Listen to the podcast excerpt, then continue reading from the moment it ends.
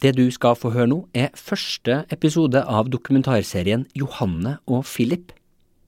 Vil du høre begge episodene, så finner du dem inne i Podme-appen og i VG+. Gå inn på vg.no skråstrek podme for å finne ut mer. Hun starta vel med å si at det er, vel, det er, ikke så veldig lett å være meg hjemme.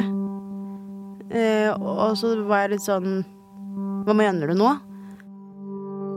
Og da sa hun sånn Philip hater meg jo.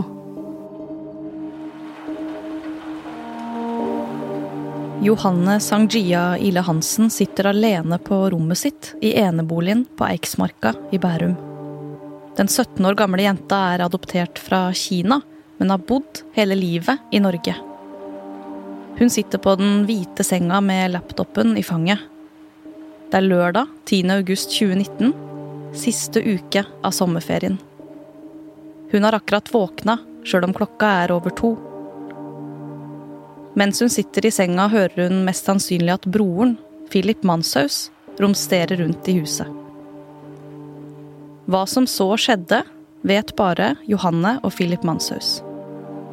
Men dette er det Manshaus sjøl forklarte i retten. Johanne snur seg da broren plutselig kommer inn døra til rommet hennes. Han bærer på en rifle. Hun er taus og ser forbauset mot ham. Broren retter våpenet mot henne. Men skuddet går ikke av. Han må ta ladegrep. Han trekker rifla mot Johanne på nytt og skyter. Tre skudd treffer Johanne i hodet. Han avfyrer et fjerde skudd. Denne gangen sikter han mot hjertet hennes. Det treffer brystkassa og høyre overarm. Etterpå drar han dyna over Johanne og legger vekk datamaskina hennes.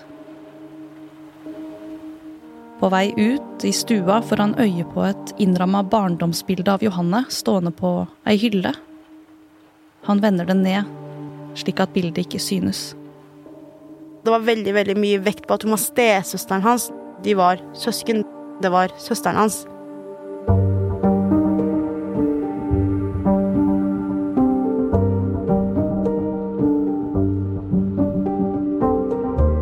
Du hører på Johanne og Philip, en podkastserie i to deler fra VG Alt fortalt.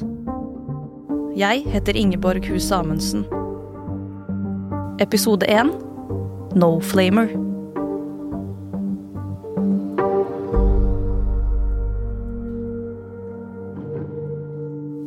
Etter drapet reiser Philip Manshaus til Al-Noor-moskeen i Bærum for å drepe muslimer.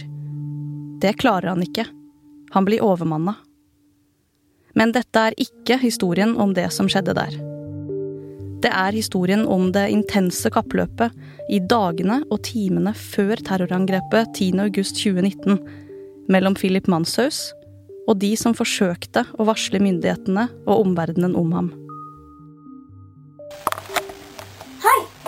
Er ny superhelten i byen. Jeg kaller meg selv Philip. Og det er en fortelling om to søsken som gjennom oppveksten begynte å søke og lete etter hvem de var og hvilken identitet de skulle ha. I virkeligheten, gjennom dataspill og på forum på nettet. Men som endte på totalt forskjellige steder.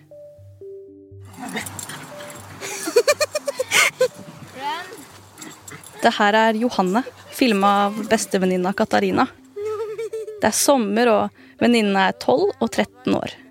Katarina Redisch har kjent Johanne hele livet. Mødrene deres er nære venninner. Katarina er bare ett år eldre enn Johanne, eller Joey, som Katarina har kalt henne. Begge to er adoptert fra Kina, og begge er lidenskapelig opptatt av hester og av hunder. Da sier han ifra, vet du. I videoen kan du høre Johanne, så vidt. Hun ler i bakgrunnen, lengst borte fra mikrofonen. Han tror det bare er en lek. Ja, han bare Stop it! Ja, nei, nei, ikke kjønnsikkebitt i øret. Han har, han har hatt litt dårlige perioder. Det er litt vanskelig å høre, men hun sier at hun er bekymra for at Katarinas hund skal bite hennes lille dags Sebastian i øret. Hun var um, relativt lav, sånn som jeg. Dette er Katarina. Hun hadde jo mørkt hår, men hadde ikke noe svart hår. Kanskje mørke, mørkebrunt. Sånn nok til at hvis sola eh, lyste på det, så ble det litt varmere brunt. Eh, hun hadde en liten søt nese. Så det er vel mye man kan si om Johanne, fordi Johanne er på en måte Johanne har blitt så stor i det siste. Men eh, for meg, da, så var jo Johanne først og fremst venninnen min. Hun kunne fremstå som litt sjenert. Hun var ofte ikke den som snakket først. Du må ofte si hei til henne da, for at du skulle starte en samtale. Det var på en måte sånn man så henne på utsiden, da. Men på innsiden så var hun eh, veldig tankefull. Hadde mange eh, fine og dype tanker. Det er en mørk, eh, avlang enebolig i en blindvei med masse vedstabler utenfor langs med veggene. Inngangspartiet er som innramma av, eh, av ved. For en stund tilbake ba jeg Katarina vise meg huset på Eiksmarka i Bærum, hvor Johanne og Philip vokste opp. Hun var ofte på besøk her gjennom oppveksten. Huset er egentlig bare én etasje, så alt er fordelt på én plan. da, Bortsett fra at de har en eh, kjellerstue også. Rommet til Johan og Philip var ganske nærme hverandre. Det var så å si ovenfor gangen til hverandre, da. Johanne ble adoptert da hun var ni måneder gammel. Da mora var midt i adopsjonsprosessen, så møtte hun en alenefar med tre sønner via en kontaktannonse i avisa. Johanne og mora flytta inn til familien Manshaus i Bærum. Yngstemann Philip var da bare fem år. Familien Manshaus hadde nylig vært gjennom en tragedie. Da Philip var bare fire år gammel, så mista han mora si. I retten skal han fortelle at den dagen hun døde, er noe av det aller første han kan huske. Jeg tenker at etter det så, så hadde han en ganske normal og god oppvekst. Dette er Audun Bekkstrøm, Philip Manshaus forsvarer. Men, men om, om, om, dette med å miste moren sin i ung alder har, har preget han eller hatt noe å si for, for hans seinere liv, det, det, vet jeg ikke. Men det er klart at det er en voldsom påkjenning for en, for en liten gutt. Det, det tror jeg alle skjønner. Stemora, altså mora til Johanne, syntes Philip var en følsom, forsiktig og kjærlig gutt. En slags maskot i familien som sjarmerte alle, skal hun senere forklare i retten. Hei! Jeg er ny i byen. Jeg meg Philip. Da de var ti år, filma en barndomsvenn Philip mens han gjorde ablegøyer foran kamera. De kalte videoen Super-Philip og la den ut på YouTube. Ok. I videoen tryller Philip fram et eple. Og i neste klipp sitter han på kne på gulvet ved køyesenga mens han danser med armene.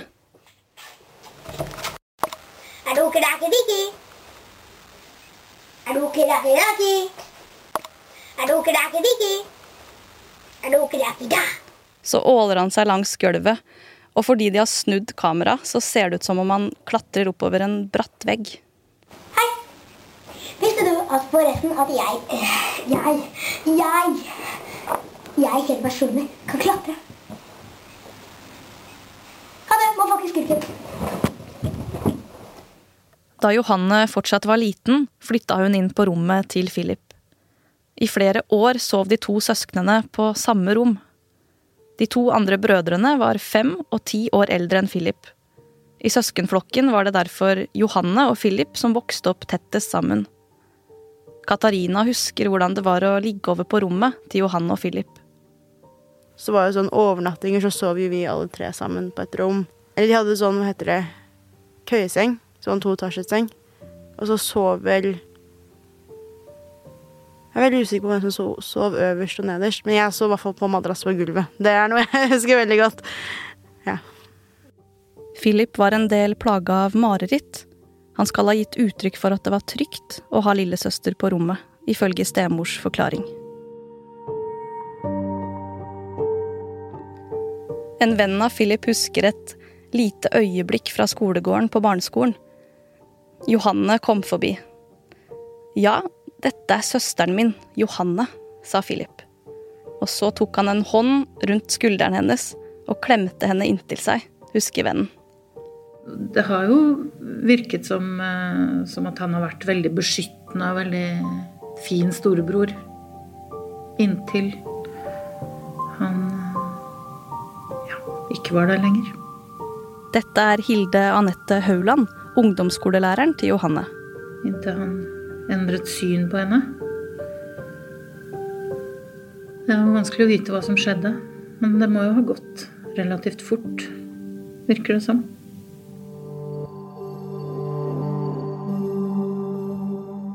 I ungdomsåra prøvde Philip å finne seg sjøl. De siste månedene har jeg snakka med mange venner av Philip. Ingen av dem vil stille i opptak i podkasten. De syns det er vanskelig etter alt han har gjort. Men de forteller om han. Og en beskrivelse som går igjen, er at Philip var en periodefyr. Han var gamer med ungdomsskolegjengen i Bærum. Emo med hull i øret og svart hår på det såkalte emo-hjørnet på Østbanehallen. Og biseksuell veganer på Steinerskolen.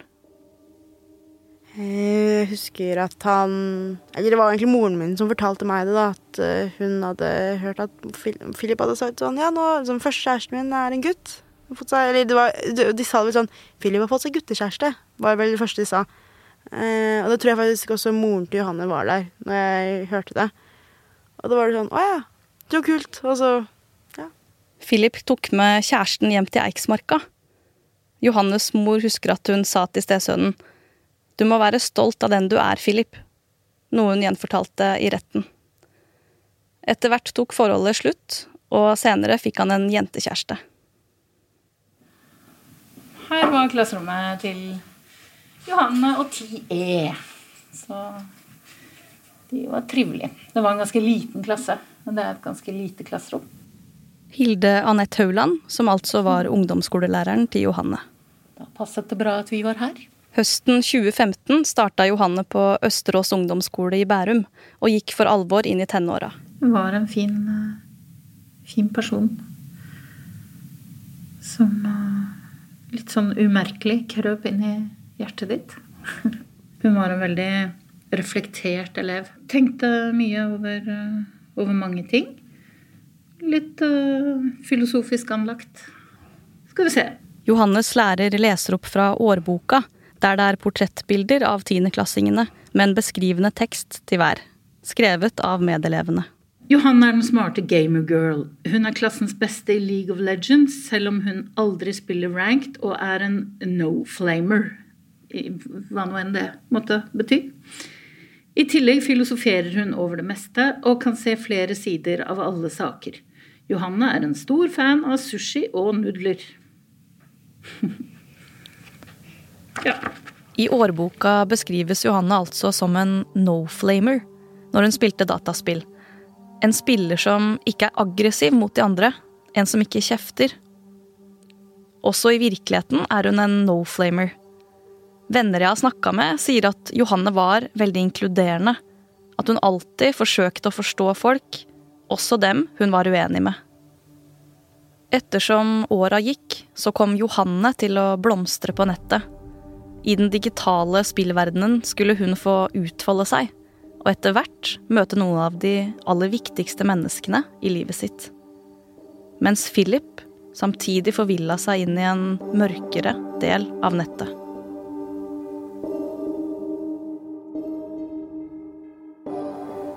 Høsten 2016 begynte Philip å studere psykologi ved Universitetet i Oslo, og han bodde i en leilighet med storebroren i Oslo sentrum.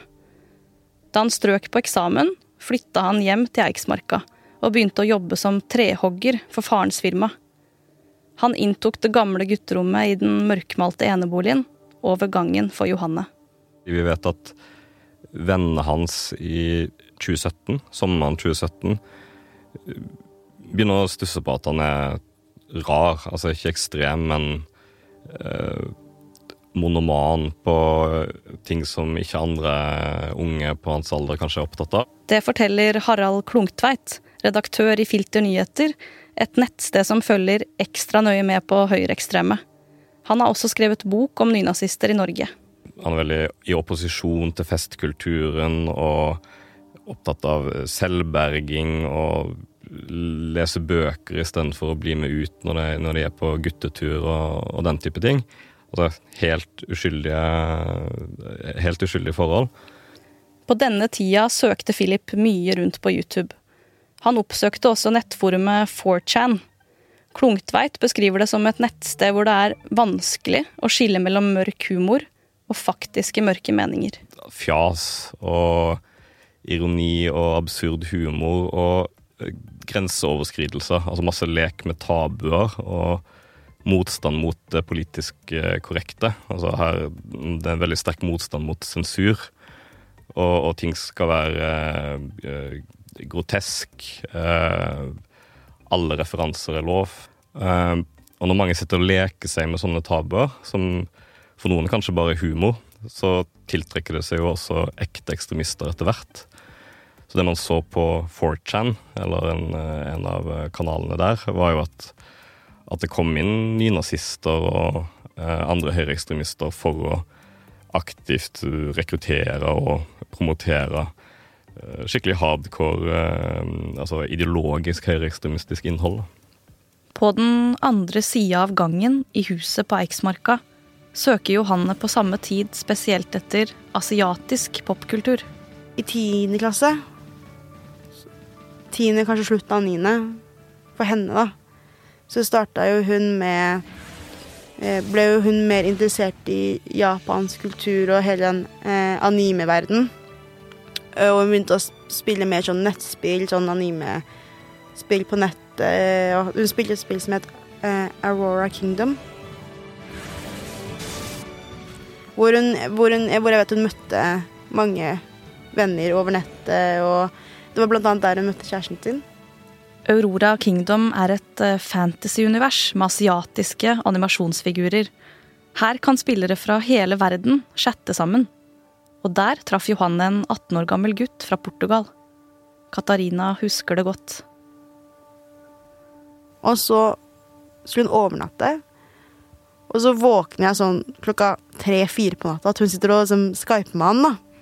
Hun sitter liksom i hjørnet på rommet mitt og skyper med han. Jeg er sånn, Hva i alle dager er det som skjer her? Um, og da, hun liksom, da, så, da, var hun veldig sånn Da så jeg på hele jenta at hun var sånn skikkelig spent og glad. Og, uh, sånn. Johannes kjæreste har valgt å ikke stille opp til intervjuer om henne. Sommeren 2018 reiste Johanne til Portugal for å møte kjæresten. Og det var første gang de traff hverandre fysisk. Hun kom hjem og virka om mulig enda mer forelska, husker Katarina. Kjæresten håpa på å komme på besøk til Norge snart. Og paret la planer om livet de ville leve sammen. Og så var det jo snakk om at de skulle bo sammen når Johan var ferdig med videregående. Samtidig som Johanne fant kjærligheten og vennskap på nettet, falt Philip dypere ned i noe helt annet. I oktober 2017 søkte Philip opp nettsider om våpen og våpenlovgivning for første gang, ifølge politiets logger. Han leste om Sandy Hooks skolemassakren i 2012 i Connecticut, der 20 barneskoleelever og seks ansatte ble drept. I løpet av året hjemme på Eiksmarka ble nettsøkene hyppigere. Han lette bl.a. opp informasjon om Anders Behring Breivik. Her er Klungtveit igjen. Så det, går det ikke noe lang tid før man i 2018 ser at han er opptatt av konspirasjonsteorier og holocaust-fornektelse. Eh, han chatter jo i starten av 2018 eh, med venner om at han hater jøder. Og det blir sagt på en måte som gjør at de, de ikke ser på det som kødd. Altså de, de syns, syns det er bekymringsverdig. I juni 2018 ringte en person på tipstelefonen til Politiets sikkerhetstjeneste. Tipseren sa til PST Etter rådgivning med en venn tenker jeg det er bedre å si ifra en gang for mye enn en gang for lite. Tipseren var bekymra for Manshaus ekstreme holdninger til innvandrere, homofile og kvinner. Telefonsamtalen skjedde to måneder etter at han hadde meldt seg inn i en våpenklubb. Politiet og PST begynte å undersøke Manshaus.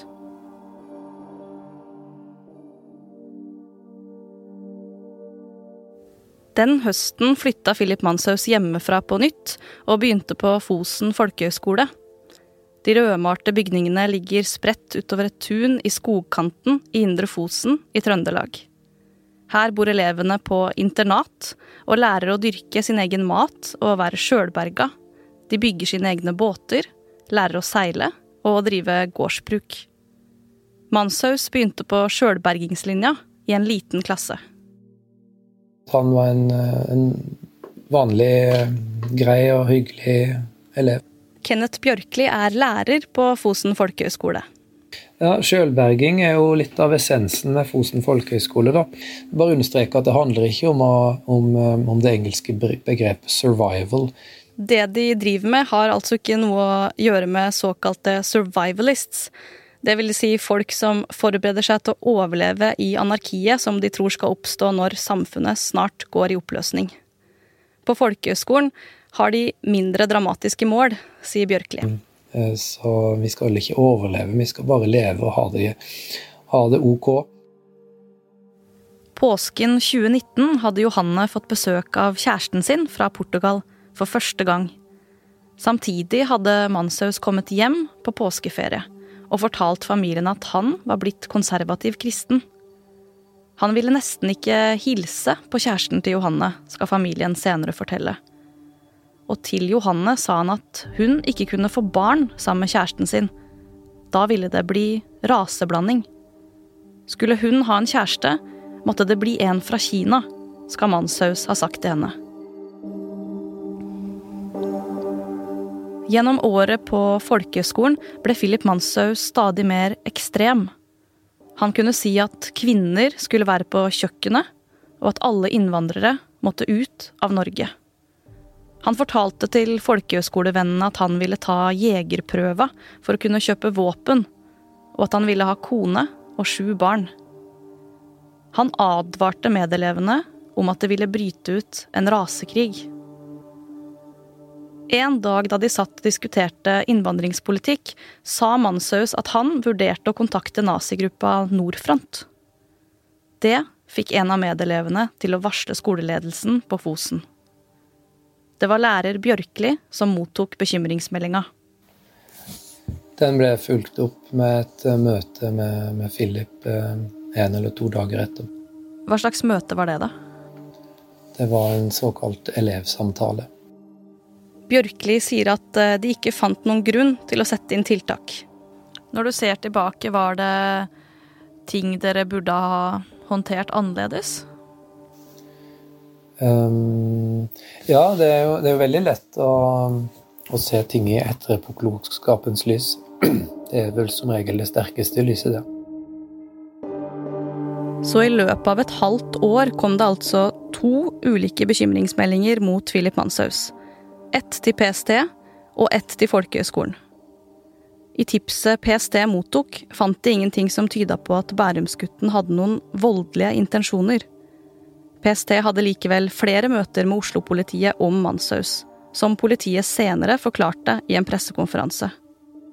Når det gjelder eh, dette tipset om eh, siktede som PST kommenterte, så vil vi også bare eh, bekrefte at vi mottok en henvendelse fra PST om dette i fjor sommer.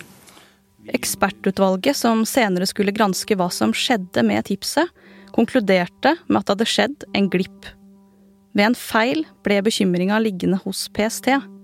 Politiet kontakta aldri Philip Manshaus.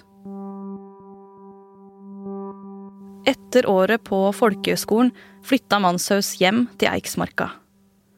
Det vanligvis så åpne ansiktsuttrykket hans hadde forandra seg til en sinnarynke i panna, forteller stemora i retten. Faren hans opplevde at sønnen ikke lenger tok imot motargumenter gjennom sommeren 2019 så kunne han nok ha endt opp mange ulike steder. Klungtveit fra Filter nyheter igjen. altså innenfor høyreekstremismen. Det, det er ikke tvil om at han da er radikalisert, men vi ser at han søker medlemskap i denne organisasjonen som heter Den nordiske motstandsbevegelsen. Og han fortsetter jo med, med nettsøk også, som, som, tyder på at han kunne, han kunne ha blitt med i den organisasjonen. Han kunne ha gjort noe annet eh, frittstående, eller han kanskje han til og med kunne ha slått seg til ro med, med å tygge videre på noe ideologisk. Altså det er ikke Det er på ingen måte gitt før de aller siste dagene hva som eh, Ja, hvordan dette skulle ende.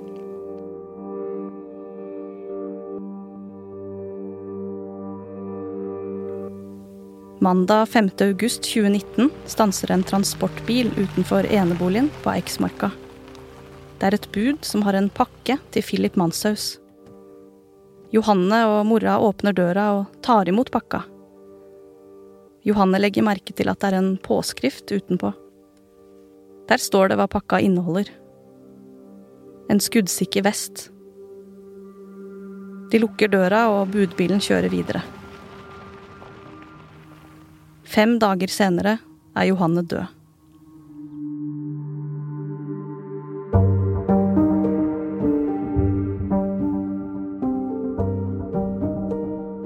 I neste episode av Johanne og Philip. Kappløpet 10. august. Og så husker jeg veldig godt at hun sa at hun var redd for at han skulle starte med masseskyting.